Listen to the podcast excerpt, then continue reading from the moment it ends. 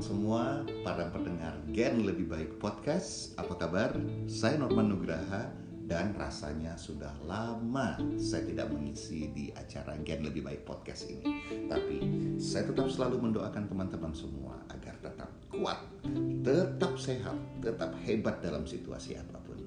So, teman-teman, hari ini pertama-tama saya ingin mengucapkan happy anniversary yang ketujuh untuk teman-teman agensi syariah distribution. Selamat hari jadi.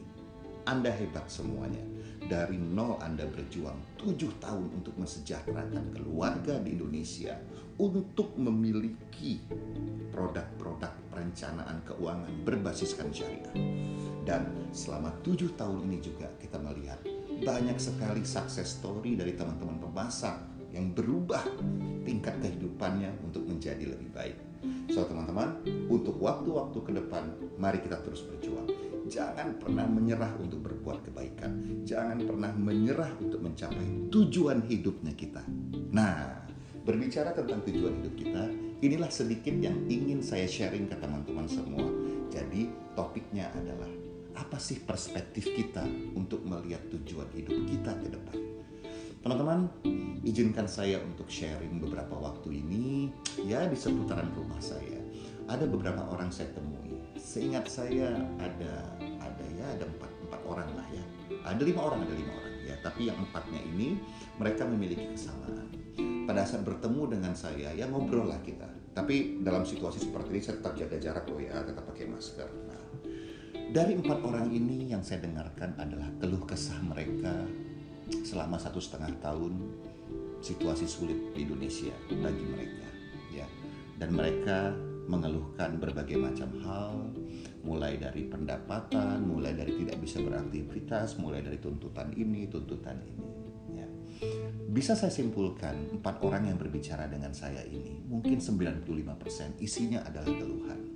Dan pada saat saya menanyakan apa yang akan dilakukan dan mereka masih belum tahu dan mereka bilang bahwa mereka masih akan menunggu situasi ini reda. Bagi saya pandemi ini situasi ini bukan terjadi sebulan dua bulan yang lalu, tapi sudah terjadi hampir satu tahun setengah. Ya, dan bagi saya akhirnya saya memutuskan ini adalah golden period dari sisi yang lain bahwa saya bisa belajar banyak saya merasa bahwa saya lebih kreatif. Saya lebih punya inisiatif karena banyak hal. Nah, tibalah yang orang kelima, ya. Tidak sengaja saya ketemu, ya kan, uh, dia pakai masker. Oh ternyata si bapak ini toh, ya. Dan dia bercerita dengan saya gitu loh bahwa hari itu dia lagi sibuk. Kompleks saya itu ada beberapa rumah dan dia lagi menangani hampir 15 rumah hari itu untuk macam-macam urusan. Jadi ada urusan mulai dari genteng bocor lah, pompa air mati lah, ada yang listriknya korslet lah. Nah jadi ceritanya si bapak ini adalah salah satu pedagang retail di salah satu pasar di Jakarta. Dan kemudian tokonya harus tutup karena situasi yang ada.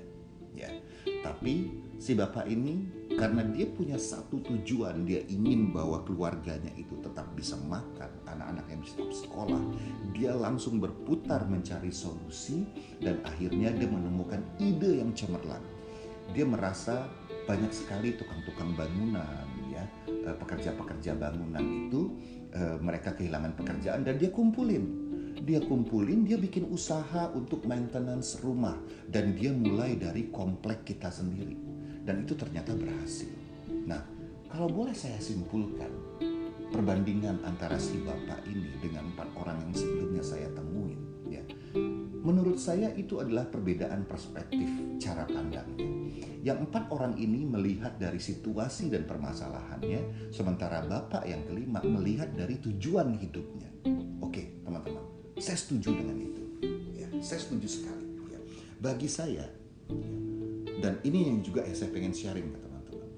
Apabila angle yang kita lihat adalah tujuan dan kita sangat kuat untuk mendapatkan tujuan hidupnya kita, maka apa pun yang terjadi dalam prosesnya itu hanyalah sebuah obstacle atau hambatan. Tetapi apabila kita tidak melihat tujuan hidupnya kita, yang kita lihat itu hanyalah obstacle-nya, maka kita tidak akan pernah bisa melihat apa pun yang lebih baik di balik itu. Sebagai contoh, hari ini saya mau ke daerah Jakarta Utara dari Jakarta Pusat. Saya mau ke Jakarta Utara itu karena ada pertemuan di mana pertemuan saya dengan orang ini bisa jadi potensi untuk mendatangkan bisnis. Dan apabila saya mendapatkan eh, persetujuan dari orang tersebut, maka saya akan mendapatkan sejumlah uang. Dan sejumlah uang itu bisa saya gunakan untuk membayar sekolah anak saya. Berangkatlah saya dari daerah Jakarta Pusat. Ternyata di tengah jalan macet. Pada saat macet, otak saya secara uh, alami, secara natural akan berpikir untuk mencari solusi. Apakah saya lewat jalan ini, jalan ini, jalan ini, atau saya ganti kendaraan, atau saya cari alternatif yang lain. Yang penting saya harus sampai ke Jakarta Utara karena saya mau bertemu dengan orang.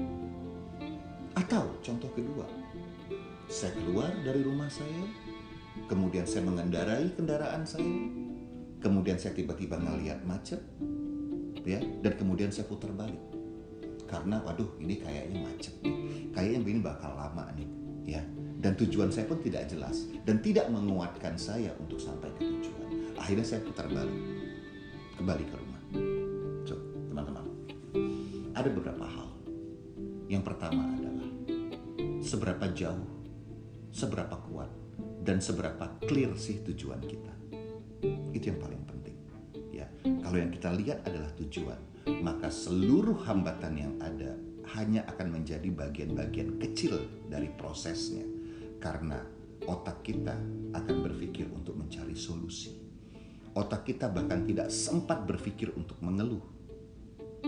Yang kedua, seberapa kuat sih tujuan kita itu menarik kita untuk sampai di sana?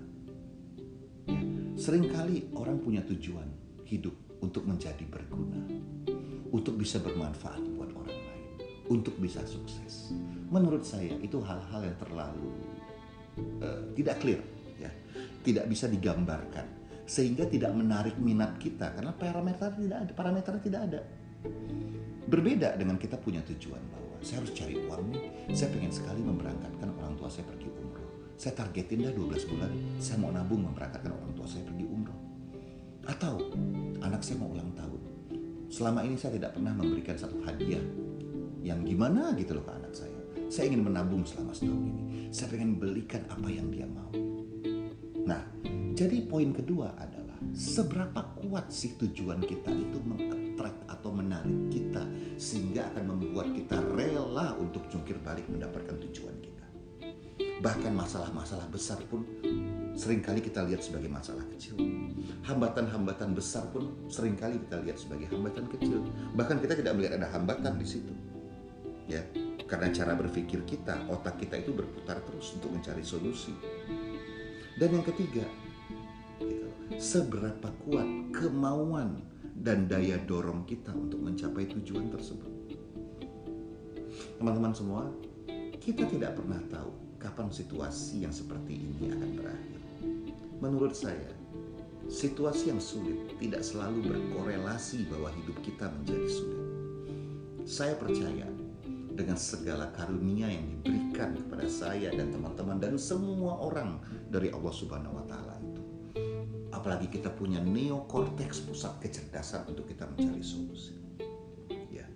Bukan yang kita menghabiskan hari-hari kita dengan menunggu kapan situasi ini normal bukan kita menghabiskan waktu kita untuk mengeluh terus. So, teman-teman, ya, kita diwajibkan untuk terus berikhtiar.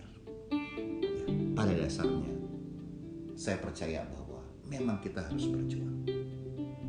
Jadi teman-teman semua, inilah tiga hal yang ingin saya sharing hari ini mengenai seberapa jauh, seberapa kuat, dan seberapa clear tujuan hidup kita. Dan yang kedua, seberapa kuat tujuan itu menarik kita semuanya. Dan yang ketiga, seberapa kuat kemauan dan daya dorong kita mencapai tujuan kita. Tiga hal tersebut teman-teman. Mudah-mudahan walaupun situasi ini serba terbatas, ya, serba tidak gampang, tetapi seharusnya ikhtiar yang kita lakukan tidak boleh berhenti.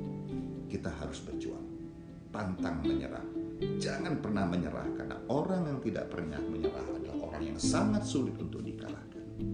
So teman-teman, inilah yang saya bisa sharing hari ini. Sekali lagi, happy anniversary yang ketujuh buat agensi Syariah Distribution.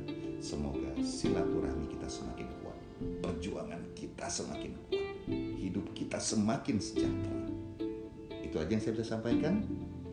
Teruslah mendengarkan Gen Lebih Baik Podcast karena belajar gak ada batasnya. Assalamualaikum warahmatullahi.